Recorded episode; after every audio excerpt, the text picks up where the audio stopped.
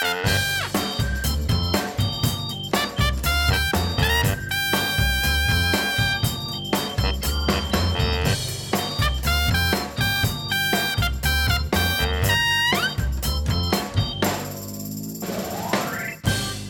vertrekt mijn vliegtuig naar Israël, het beloofde land. Maar voordat het zover is, nog even een CIP-podcast met Dick en Jeffrey. Shalom, Jeffrey. Hey Dickie. Hey, hoe is het ermee? Ja, gaat prima jongen. Heb je al vakantiekriebels? Vakantiekriebels beginnen nu toch wel te komen. Je doet nu een beetje de laatste dingen afronden en dan eh, naar het beloofde land, hè? Jongen, Ja, je valt met de neus in de boter, Jeff. ja echt jongen. Ja. Ja, ja. Je bedoelt eh, GroenLinks bedoel jij? nee, jij. Oh, oh ik? Nee, GroenLinks niet. Nee, Nee. nee, nee. Nee, dat bruggetje komt een beetje te snel. ik dacht dat je het daarover had. Nee, maar het is even tijd, tijd om eventjes eh, rust, reinheid en regelmaat te creëren in mijn leven. En dat soms moet je dan even CIP op slot zetten Ja. en het land verlaten. En Ja. dat moment gaat komen. Maar jij eh, ga- gaat niet voor christenen van Israël daar nog wat artikeltjes schrijven? Nee, nee, nee, nee. Dus ik schrijf graag chri- artikelen voor Christen van Israël. Alleen Mhm. eh, dat doe ik weer na mijn vakantie. Nu even helemaal niks. Alleen van mijn neefjes genieten en van de Tempelberg. Ja. Hey, en ik heb eh, uit betrouwbare bronnen begrepen dat jij daar vaker bent geweest. Ja, mijn schoonzus woont daar met een gezin, ja. Ja. Ja, die is daar Oh, getrouwd. Een leventje in eh, Jeruzalem opgebouwd. Dus soms moeten we even kijken of het allemaal goed gaat, hè? Ja, zeker. Ga je nog een eh, mooi liedje zingen? Jeruzalem. hoe, hoe gaat dat liedje ook weer? Ja, dan moeten we even, even wat orthodoxe joden bellen. Ja. Die, die, die zingen dat vaker, denk ik. Zo Ja. is dat. Die gaan dan Ja. helemaal los, hè, op vrijdagavond voor de Shabbat. Ja, zeker. Ja. Ja. Hey, maar je bent wel in een land waar je, eh, de- de- de- waar je, waar je een beetje thuis voelt, toch? In de zin van, eh, eh, je bent een echte Israël-vriend. Ja, in de zin van dat ik geloof dat God mooie plannen heeft met Israël. Ja. En ook omdat ik gewoon het een heel gaaf land vind. Word je wel eens een christen-zionist Een genoemd? christen-zionist. Ja, die term gaat op Twitter nog wel eens voorbij. Ja. Maar ik, ik kom meestal wel goed weg. Oké. Ik, ik probeer dingen zo eh, genuanceerd te brengen dat ze niet allemaal eh, op mij afkomen met stenen en eh, granaten. Maar je bent niet een beetje politiek correct. Politiek correct. Ja. Ja. dat probeer ik dan weer te voorkomen, hè. Het is moeilijk om genuanceerd te zijn en niet politiek correct. Zo is dat. Ja. Ja. Ja. Ja, dat is toch. Maar misschien gaan we je nu van je in politiek correcte kant laten zien. Nou, wie weet. Ja. Want over politieke correctheid gesproken, GroenLinks, Ja, daar gaan we het over hebben, zo is dat. Toch wel een partij die het misschien zo'n beetje heeft uitgevonden, politieke correctheid. Zo is dat. Onder leiding van de Jessias, Jesse Klaver, met zijn opgestookte mouwtjes. Of Jasser. Jasser, Jasser. Klaver. ja, dat zou ook een goede naam voor hem zijn, Ja. ja. zo heet Ja. hij ook echt, hè? Gaat toch, ja, maar dat is even de Telegraaf geschreven. Wil je zeggen dat het waar is? Ik heb dat een keer gehoord. Nou, ik wil nog even een dubbelcheck hoor. Dat Want... hij zelf... eh, en zo- zijn vader heet ook Garim, volgens mij, zoiets. Oh, Yasser ja, nou, Gharim. ja, ja, ik, ik wil dat toch eventjes allemaal gecheckt het, het hebben. lijkt me wel... Ik ken niet veel eh, Marokkaanse vaders die de achternaam Klaver hebben. Dus Nee. volgens mij is er wel een bepaalde spin aangegeven. Ja, ja. Maar die Jesse Klaver inderdaad, hij zou zomaar Jasser kunnen heten. Want hij is nogal bevriend met de Palestijnse lobby. GroenLinks heeft namelijk eh, afgelopen weekend op het congres een eh, motie aangenomen. Op het pa- partijcongres. Met die motie steunen ze de BDS-beweging. Boycott, Divestment, Sanctions. Een boycottbeweging die is gestart in 2005 tegen Israël om eh, zeg maar de Palestijnen te ondersteunen. En eh, door middel van die boycott eh, worden allerlei Israëlische producten eh, tegengehouden, zoveel mogelijk.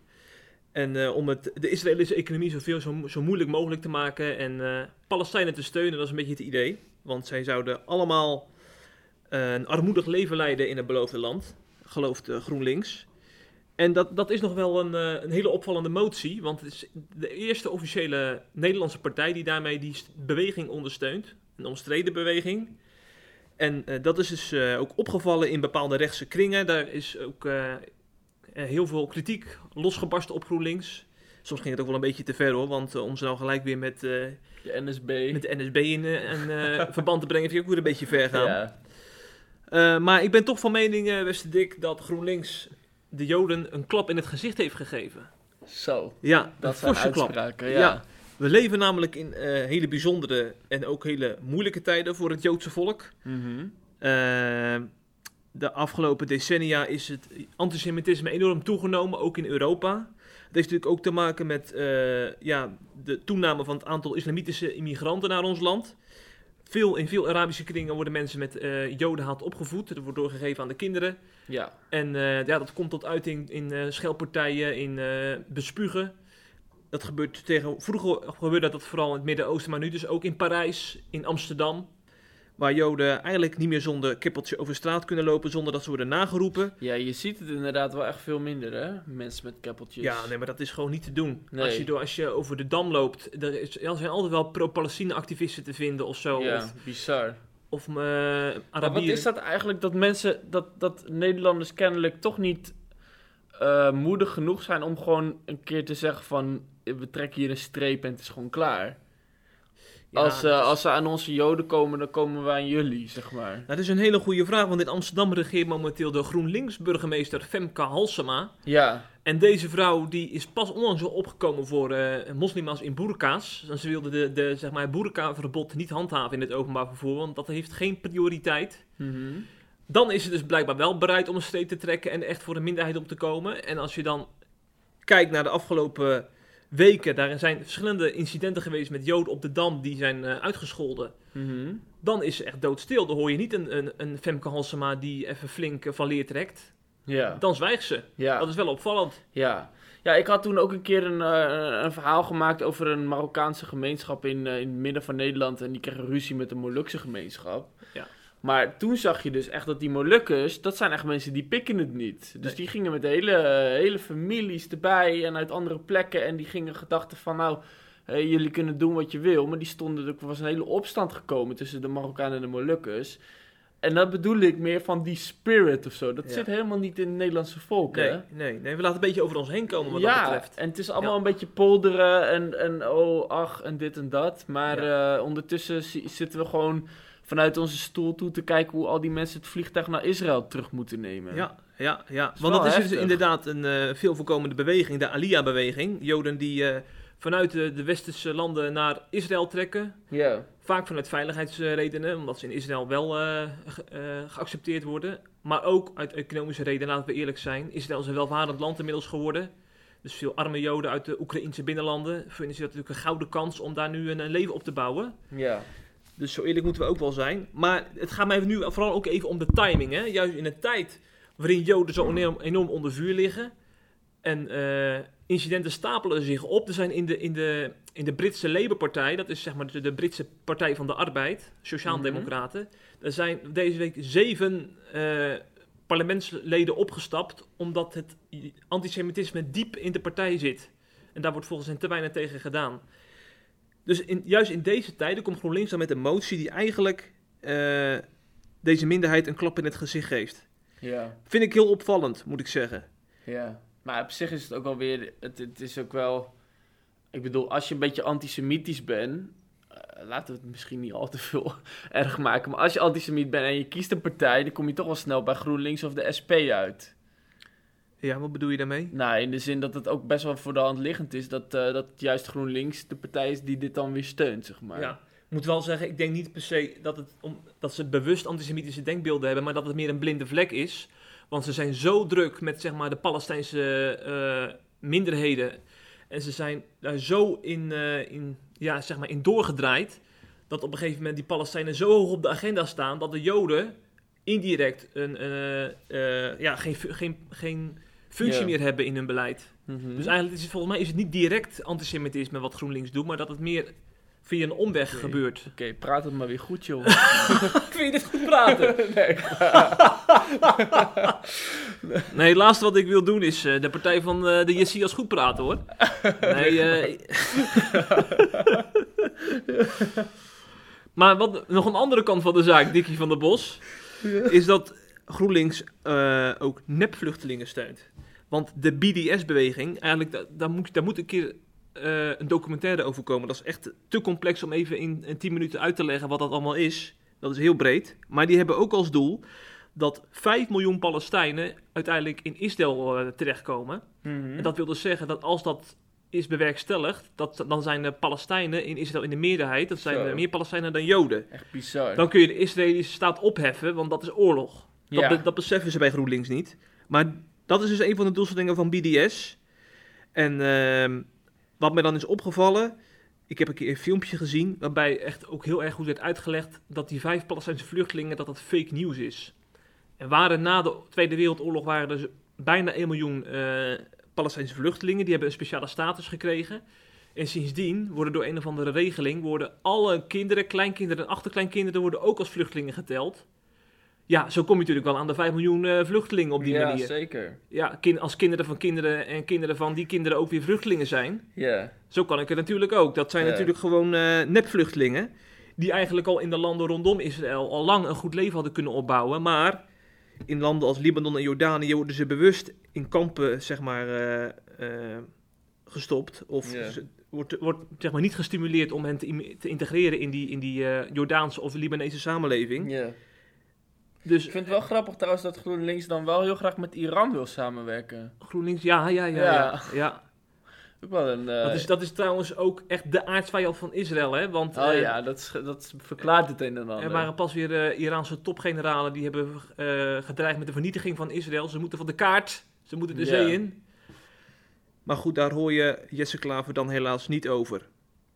Nee. Wat we ook nog niet moeten vergeten, is dat de kerken ook een hele belangrijke rol spelen bij de BDS-beweging. Want we zijn natuurlijk CIP, we zijn een platform voor christelijk Nederland. Mhm. Waarom is het ook belangrijk dat we dit nieuws bespreken? Eh, onlangs is ontdekt dat de Wereldraad van Kerken, een christelijke koepelorganisatie die eh, wereldwijd 350 kerkgenootschappen eh, telt, Mhm. echt een hele grote club. Er is ge- gebleken dat ze vrijwilligers trainen om de boycott van Israël, dus die beweging, te promoten.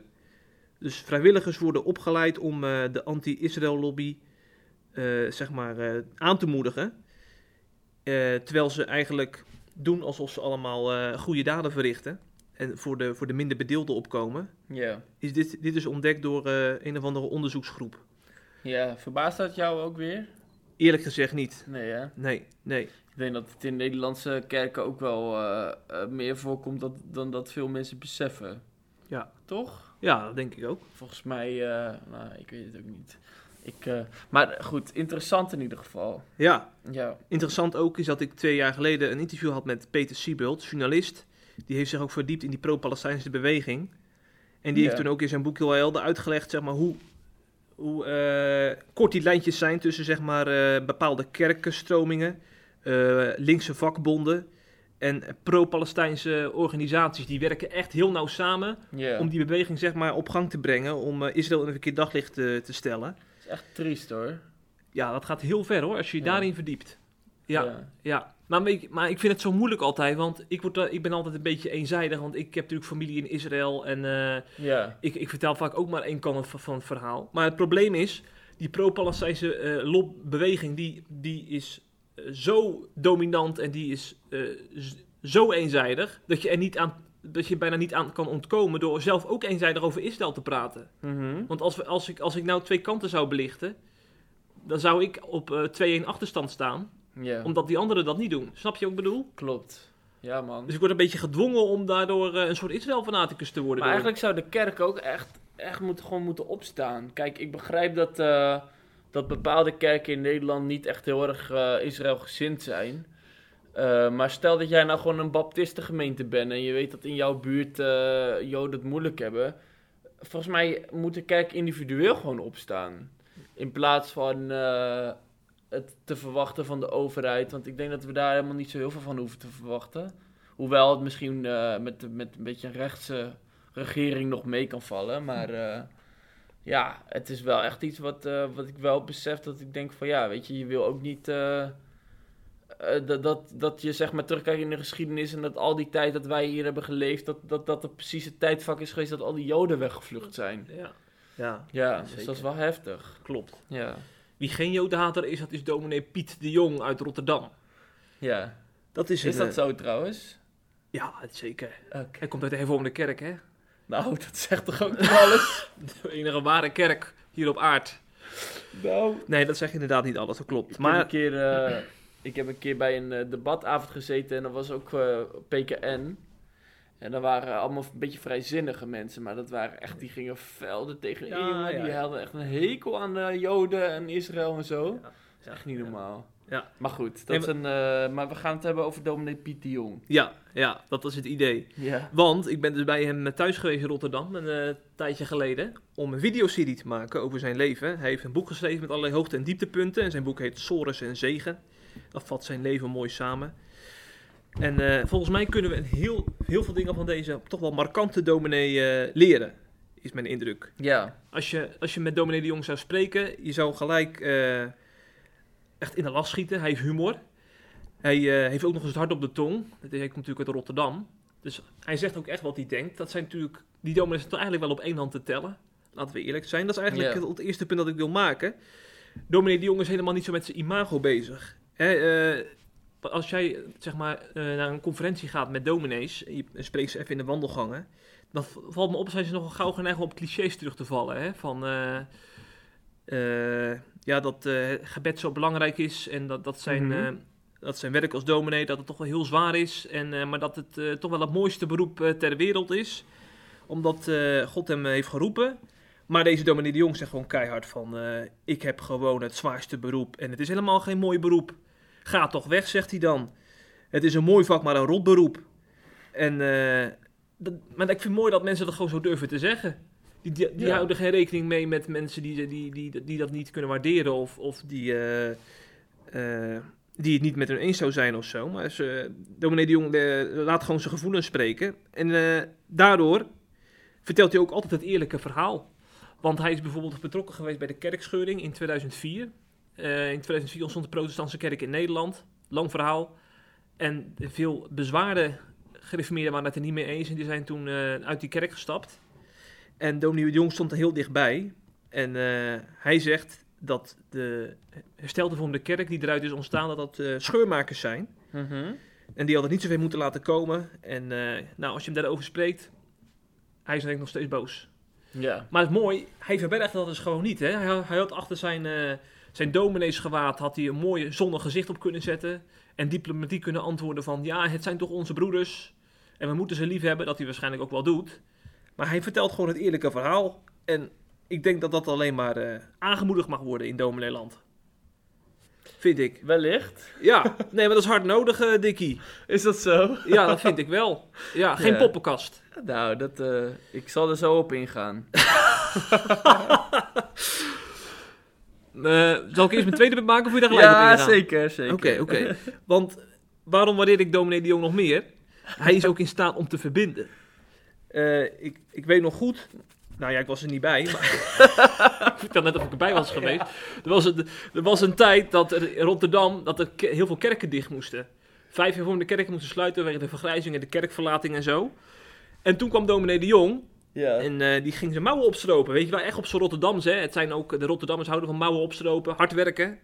En dominee de Jong dacht, ja, hey, zover laten we het hier niet komen. Alle kerken sluiten, kom nou toch.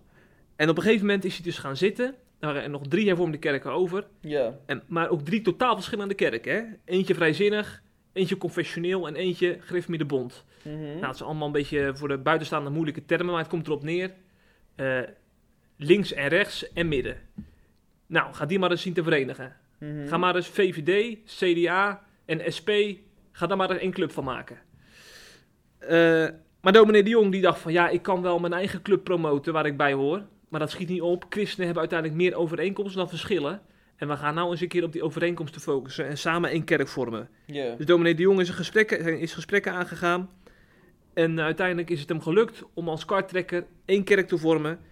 En eh, uiteindelijk is, zijn, zij- daar zijn ze door die stap over het dodenpunt heen geholpen. Mhm. Want daardoor eh, kwam de focus niet zozeer meer te liggen op... we moeten, die, we moeten onze eigen kerkcultuur bewaken. We moeten die eh, kerkverlating tegengaan. Doordat ze zeg maar, met elkaar gingen, samen één kerk gingen vormen... ging de focus eh, naar het evangelie. Naar eh, handen en voeten geven aan je geloof. Er zijn allerlei mooie initiatieven ontstaan. Er ontstond een eetgroep voor mensen uit de wijk. Er ontstond een ontmoetingshuis. Er ontstond een alfa-cursus waar mensen konden binnenlopen om met het geloof kennis te maken. En het, het, het kerkelijk leven kwam daardoor langzaam maar zeker weer op gang. Mensen kwamen tot geloof, lieten zichzelf dopen. En eh, zo heeft de Jong bijgedragen aan een bloeiende kerk in Rotterdam. Terwijl heel veel mensen eigenlijk al tegen hem zeiden van... joh, het heeft geen zin. Binnenkort moet je het licht uitdoen. Ja. En hij is Dus tegen de stroom mooi. ingegaan. Dat is zeker zo. En ik, ik heb de video's ook beke- bekeken en dan denk ik wel van ja, het is wel echt een eh, leuk type, zeg maar. Dus het is een, eh, een kleurrijke man en het is een boeiende man ook om naar te luisteren. Dus ik kan me heel goed voorstellen dat die man ehm, daar heel veel heeft gebracht, zeg maar. En dat het een leuke dominee is om te hebben. Maar ik had er wel een paar dingetjes. Ah. Een paar kleine kanttekeningen. Ja, ja, ja. ja. Nee, want ehm, eh, ik heb die video's dan natuurlijk ook bekeken. En aan de andere kant, ehm, eh, zeg maar, dus hij is heel erg van laten we samenwerken, kom bij de club. Maar als je hem dan over herstelde vorm hoort praten, dan is het in één keer heel laatdunkend, zeg maar. Mhm. En een beetje minachtend. En ehm, eh, ook over evangelische had hij dat een paar keer. Dat ik dacht van ja, weet je, eh, hij is dan wel een soort van voor eenheid, maar wel eigenlijk zijn soort mensen. Maar wat zei hij over evangelische dan? Nou, hij had het over eh, in een interview over dat hij, dat hij, dat hij in een plek was en daar waren dan ook evangelische en die voelden dan dat ze vanuit God dat ze een kerk moesten starten daar. En dat vond hij toen heel belachelijk, want ze waren een beetje aan het bidden en zo. En een beetje, eh, maar ondertussen starten ze dan wel een eigen kerk. Eh, dus, dat, dat, dus hij had dan zoiets van, ja, het enige wat zij hadden moeten doen is gewoon zich bij ons aansluiten en niet, niet iets anders. Maar dat kwam wel een beetje zo heel erg over van, ja, een beetje sneuwe types. Hij kan het wel heel erg laatdunkend formuleren, Ja, vond ik. ja, dat heeft waarschijnlijk met de hart op de tong te maken, ja. Ja, maar ik, ik heb er ook een heel klein beetje, ook met dat eenheid. Kijk, zeg maar, je kan eh, een hele gezellige boel maken met alle soorten en maten eh, gelovigen bij elkaar. Eh, en dat je een soort van een gezellige club hebt. Maar, eh, zeg maar, ja, de, wat, voor een, eenheid krijg je dan? Weet je, ik zou, ik zou niet, er niet aan moeten denken om met vrijzinnigen eh, samen een kerk te moeten beginnen. En kijk, Jezus heeft natuurlijk over eenheid. En in, in handelingen had je natuurlijk ook eenheid, weet je. Dus de gemeente was één. Maar het was wel één onder, eh, zeg maar, de waarheid die, die Paulus toen bracht, zeg maar, weet je. Dus het was ook, als mensen zich, mensen afdwaalden van die leer... dan beschouwde Paulus hen juist als mensen die afgevallen waren. Eh, en ik bedoel, met die eenheid bedoelde Jezus ook niet één met alle gelovigen in de zin van met, ook met de Sadduceeën en de Fariseeën. Dat was echt een club die Jezus niet beschouwde als. Dus ik denk aan de ene kant dat je ook van eh, eenheid kan je ook een soort heilige koe maken, weet je? Van eh, eh, laten we zoveel mogelijk mensen allemaal bij dezelfde club en laat iedereen zich een beetje het gezellig vinden. Maar ja, je moet wel uiteindelijk met z'n allen één geest hebben, zeg maar, weet je. En, ehm, eh, dus ik ben, dat hele ecumenische, vind ik, ben ik, niet zo, ben ik nooit zo heel erg fan van. En, eh, Maar dan was het kijk, alternatief, weet je wat het alternatief was geweest? Er was er nu echt geen kerk meer geweest. In die, in de, die hervormde kerk was dan zeg maar eh, leeggelopen, was vergrijsd geweest. Want dan ging iedereen ging dan zijn eigen weggetje. Alles liep al, ja, maar, alles liep al de kerk uit. ja, maar kijk, dan heb ik... ehm, dan denk ik van... eh, eh, wat ik een beetje mis in zijn hele verhaal... is van wat is de rol van God geweest? Zeg maar. Hoe het nu overkomt is dat dit gewoon een briljante man is... die heel, poli- heel politiek heel goed is, zeg maar. Hij bindt allemaal mensen aan zich. En dat doet hij heel goed. Maar... eh, ja, je leest niet echt, het je leest meer van, nou, we hebben het een beetje zo gedaan, toen had iedereen naar zijn zin en gezellig en iedereen kan erop af en het was leuk. En eh, daardoor groeiden we, zeg maar. Maar dat is een model wat, wat op zich misschien wel voor een deel kan werken, maar eh, ik bedoel, eh, weet ik veel wat, eh dominee van Kamp heeft zijn kerk ook laten groeien en er zitten ook niet allemaal eh, vrij, je, vrijzinnigen of zo, zeg maar. Ja. En ik denk meer van, ja, het zal ongetwijfeld heel gezellig zijn daar. En verder rest ken ik die kerk ook niet heel goed. Ik baseer me puur op wat ik dus nu heb gelezen. En kijk, alsnog, ik vind het een briljante, briljante man, maar ik wilde wel, ja, zeg maar, ik wil even een kanttekening plaatsen bij dat idee van eenheid. Ja. Dat ik geloof dat als je dus mensen hebt die eh, een heleboel dingen hebben die gewoon eh, ja, als je gewoon heel simpel de Bijbel leest, zeg maar, dat ze al die dingen niet meer geloven. En eh, weet je, Jezus heeft niet op het water gelopen en dat soort dingen. Als je dat soort mensen in één kerk gaat zetten en dan kennelijk overal ja, waar is de autoriteit van het woord van God nog, zeg maar. Mhm. En dan denk ik van, dat is volgens mij niet de eenheid die Jezus bedoelt. Dat is een beetje mijn punt. Nee. Maar ja, ik vind het een beetje kort door de bocht. Want eh, die dominee de Jong gaat natuurlijk niet over één nacht ijs, hè. Ik weet, de dominee de Jong kennen, zal die echt, zou die kerk alleen maar onder zijn leiding voor zijn gegaan als er de gereformeerde beleidenis leidend is. Dus dat Ja, wil denk je zeggen, dat? Ja, natuurlijk. Oké. Hij gaat echt niet akkoord met een, vrijzinnige eh, agenda of zo. Maar daar hebben die vrijzinnigen aardig wat eh, compromissen moeten sluiten. Ja, maar daar, daarom is het ook zo briljant dat die erbij zijn gekomen. Want die dominee de Jong heeft ze bij elkaar gezet. Die heeft zeg maar eh, al die verhalen aangehoord. En ook op de man afgevraagd van... zijn, jullie bereid om kerk te zijn met mensen die deze gereformeerde beleidenis eh, onderschrijven? mhm. Nou, en degenen die er niet eh, aan meegingen, die gingen natuurlijk automatisch weg. Vrijzinnigen Ja. lopen sowieso weg als zij moeten eh, samenwerken met mensen die eh, een andere kleur aanhangen. Die zijn, niet, die ja. zijn niet zo van, van samen kerk zijn. Nee. Daar komen ze niet zo makkelijk op af. Dus ik denk dan alleen maar, ook als ik kijk naar de vruchten, aan de vruchten ken je de boom, Mhm. dat het alleen maar winst heeft opgeleverd. Want de alfa-cursussen, die, die stroomden helemaal vol. Mensen namen, christenen namen zeg maar niet-christenen mee naar de dat kerk. is mooi. Eh, er kwam een Feyenoorder kwam het sta- de kerk binnen. Want eh, voordat hij naar het stadion eh, wilde, wilde hij eerst nog even naar, eh, naar de kerk. Omdat hij echt wilde weten wat, wat de dominee, Ja. of wat God te vertellen had door middel van de dominee. Ja, Dan denk ik van die verhalen, die, die, dat is mooi. Ja, dat laat zien wat, wat dat teweeg kan brengen, Ja. zo'n beweging. Ja, ja, ja. En volgens mij is het ook wel een hele... ge- Volgens mij heb je daar wel leuke tijden gehad, hè, toen je daar binnen was. Ja, volgens dat mij is een het een gezellige gezellige man. Ja, ja, ja, daar kun je wel mee lachen, ja. Ja. ja, ja. Ik denk, is die ook Feyenoorder of niet? Nou, ik heb het er niet over gehad, maar ik sluit het niet uit dat hij dat is. Ja. ja.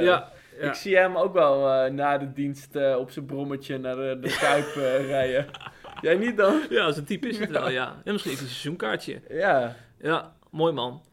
Hey, maar eh, van een andere Nee, dus prachtig. Prachtig, mooi. Ja. eh, ik eh, heb even wat... eh, we, hebben altijd, we behandelen altijd wat voor's en tegens. Ja, Maar er zijn heel, veel, heel wat voor's op te noemen bij ja, deze man. ja, dat is heel super. super. Ja. Ja. Zullen we maar naar een andere markante figuur gaan? Zeker. Eh, want dat is namelijk Abdul Muttalib. Mhm. Abdul Muttalib, dat is een eh 50-jarige man uit Nigeria. Die ben ik eh, voor, eind vorig jaar tegen het lijf gelopen. Ik mocht met Stichting de Ondergrondse Kerk, de STOK, mocht ik naar Nigeria toe om daar een aantal vervolgde christenen te interviewen. Veel christenen met een moslimachtergrond. En dit was toch wel echt het pareltje. Want dit is een Mhm. man die is moslimterrorist geweest en niet zomaar eentje. Die stond echt wel in de top van de top. Hij heeft heel wat eh, terrorisme bedreven, zal ik maar zeggen. En Ja. heel veel christenen om het leven gebracht. Eh, sowieso tientallen. En ehm, deze man zaaide dood en verderf in naam van Allah. Mhm. En hij is tot geloof gekomen. En hij heeft zijn hele bekeringsverhaal verteld. En die is vandaag ook op CIP te lezen. En ik vind dat eh, zijn verhaal drie dingen laat zien. Allereerst laat zijn verhaal zien dat christenen echt, echt een vijand hebben. Ik vind dat we vaak toch soms een, een beetje relativeren. Hè, van, eh, ach, eh, ja, sommige mensen die zijn niet zo positief over ons geloof. Maar laten we daar nou niet, eh, laten we nou niet te veel zwart-wit denken daarin. Uiteindelijk is het er ook wel mee te praten met die anderen. Maar met sommige mensen is gewoon niet te praten. Die hebben maar één middel en dat is het zwaard of, Mhm. of het geweer. En die willen alles wat met Jezus te maken heeft, willen ze de wereld uithelpen. En dat geldt dus ook voor die terroristische beweging waar eh, deze Abdul bij hoorde. Eh, omgaan met christenen was echt niet toegestaan. Werd ook, eh, ze werden ook door de leiding aangespoord om iedere christen die je tegenkwam in, je, in je dorp of stad, om die uit te roeien.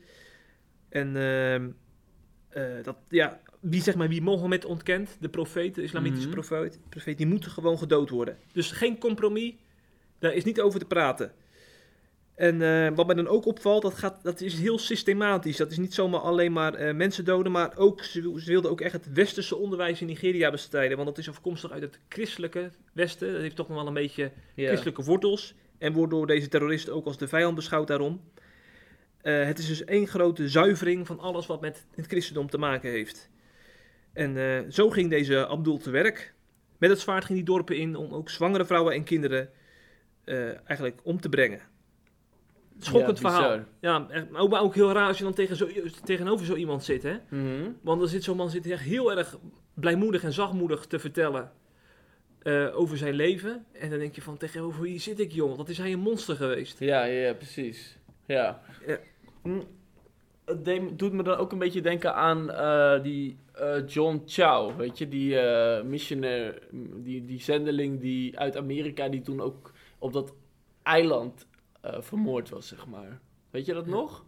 Nee, die jongen die eh, ging daarheen, hij was nog gewaarschuwd, maar toen kreeg hij Oh. uiteindelijk die Heb je pijlen. met Rick die podcast over Ja, gemaakt? dat was toen, eh, dat was ergens in, no- in november of december, volgens Ja. mij in december. Maar toen, eh, zeg maar, dat zijn dus ook typisch van die verhalen, dat je denkt van, eh, eh, ja, dit is het, denk ik, kijk, persoonlijk sta ik er zo in, dit is het normale christendom, zeg maar, dus die weg van vervolging. Ik bedoel, Jezus heeft het meegemaakt en het feit dat we, eh, zeg maar, dat ja, hoe zeg je dat? Ik ben meer, ik, ik zit nu ook echt meer te denken van, ik wil gewoon eh, wel ook meer een leven zoals dat leven, zeg maar. Ja. Omdat je, kijk, dat is wel, kijk, zo'n John Chow ook, die zocht het gewoon op. Ik bedoel, hij had misschien in zijn eigen straat geen vervolging, maar hij voelde dus heel erg dat hij naar die plek moest gaan. En daar gebeurde het. En ik denk wel dat wij een, soms een heel raar beeld hebben van het christendom. Alsof God iemand is die jou eh, eh, af en toe even een beetje blij maakt en een beetje een goed gevoel geeft. En dat is het dan. Terwijl ik denk dat het echte christendom juist om gaat dat je je kruis opneemt en Jezus volgt. En dat ze jou vervolgen omdat ze Jezus ook vervolgen. Mhm. En die boodschap die hoor je niet zoveel. Heb ik het idee hoor. Ik- Ja, ja, te weinig in ieder Ja. geval eh, in, in, onze, in ons landje. Ja, en daardoor word je een beetje zacht gemaakt en, eh, en, en je oren worden gestreeld. Maar stel dat het nog een keer hier helemaal losgaat, dan eh, ja, ik ben benieuwd of we er dan klaar voor zijn. Ja, ja, zeker. Wat kan helpen is dat we dan een droom ontvangen. Want deze Abdul heeft namelijk een droom gehad. Ja, En die heeft in die droom Jezus in het Arabisch gezien. Volgens mij is dat Isa, de naam Isa. Ja. En eh, hij zag een licht en hoorde een stem vanuit de hemel. Ik ben de God die je geschapen heeft. En roep je op om mij te dienen en het evangelie te verkondigen. Nou, dat is natuurlijk wel het begin van de ommekeer. Hè? Als je zo'n droom, droom krijgt. ja, En eh, later heeft hij nog een keer een droom gekregen. Toen zag hij eh, een kruis. En zingende gelovigen rondom het kruis. En opnieuw hoorde hij dan de stem van God. Ik heb je geroepen om mij te dienen. En zo is Abdul langzaam maar zeker van terrorist eh, gewoon mens geworden. Mhm. Die Jezus ging eh, navolgen.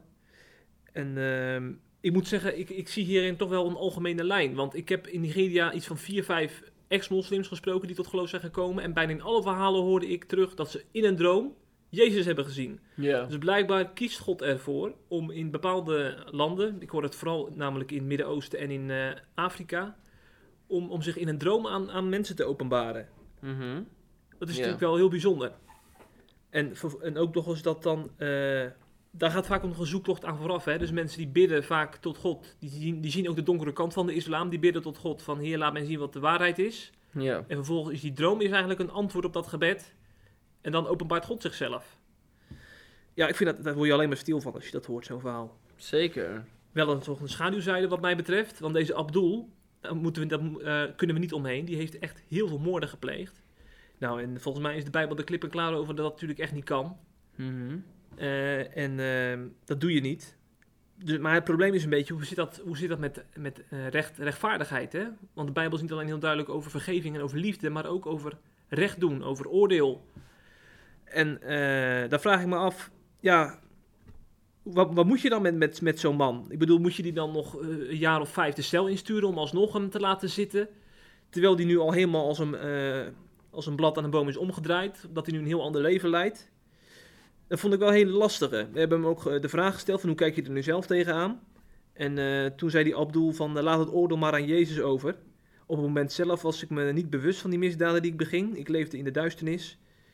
En nu wil God mij gebruiken om christenen te bemoedigen en eh mijn getuigenis aan te horen. Ja, Ja, op zich natuurlijk wel een mooie benadering hoor. Het oordeel aan Jezus overlaten. Maar ik vind het ook wel een lastige. Want er zijn heel veel gezinnen verscheurd door deze Abdul. Omdat hij kinderen heeft omgebracht.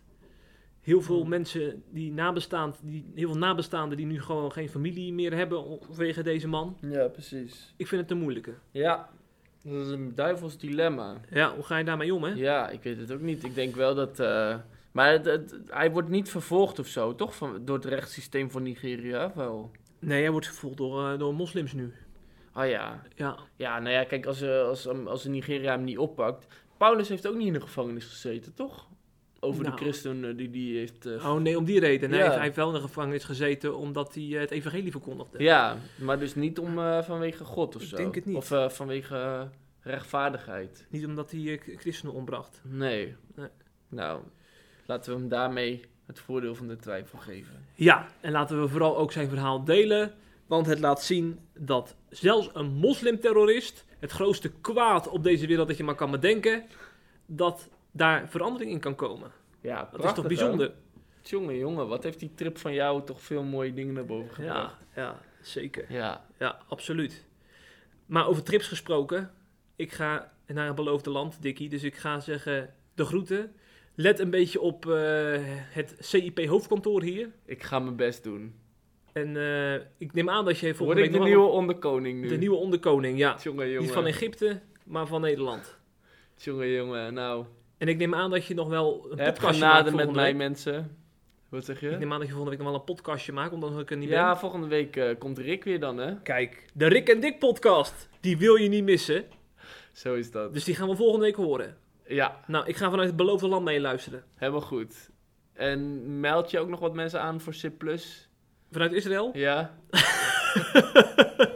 Nou, ik ben zo aan vakantie toe dat ik daar zelfs daar geen kracht voor heb om Oké, heel C-plus-leden goed. aan te melden. Maar ik zou inderdaad zeggen, blijf dat vooral doen, want anders mis je de verhalen van Abdul en dominee de Jong. En dat zijn nou verhalen die je juist niet wil missen. Dus ga dan vooral naar CIP Plus en word lid. Zo is dat. Nou, dat was het weer. Je zeker weten. Dat was het weer. De groeten. Tot ziens.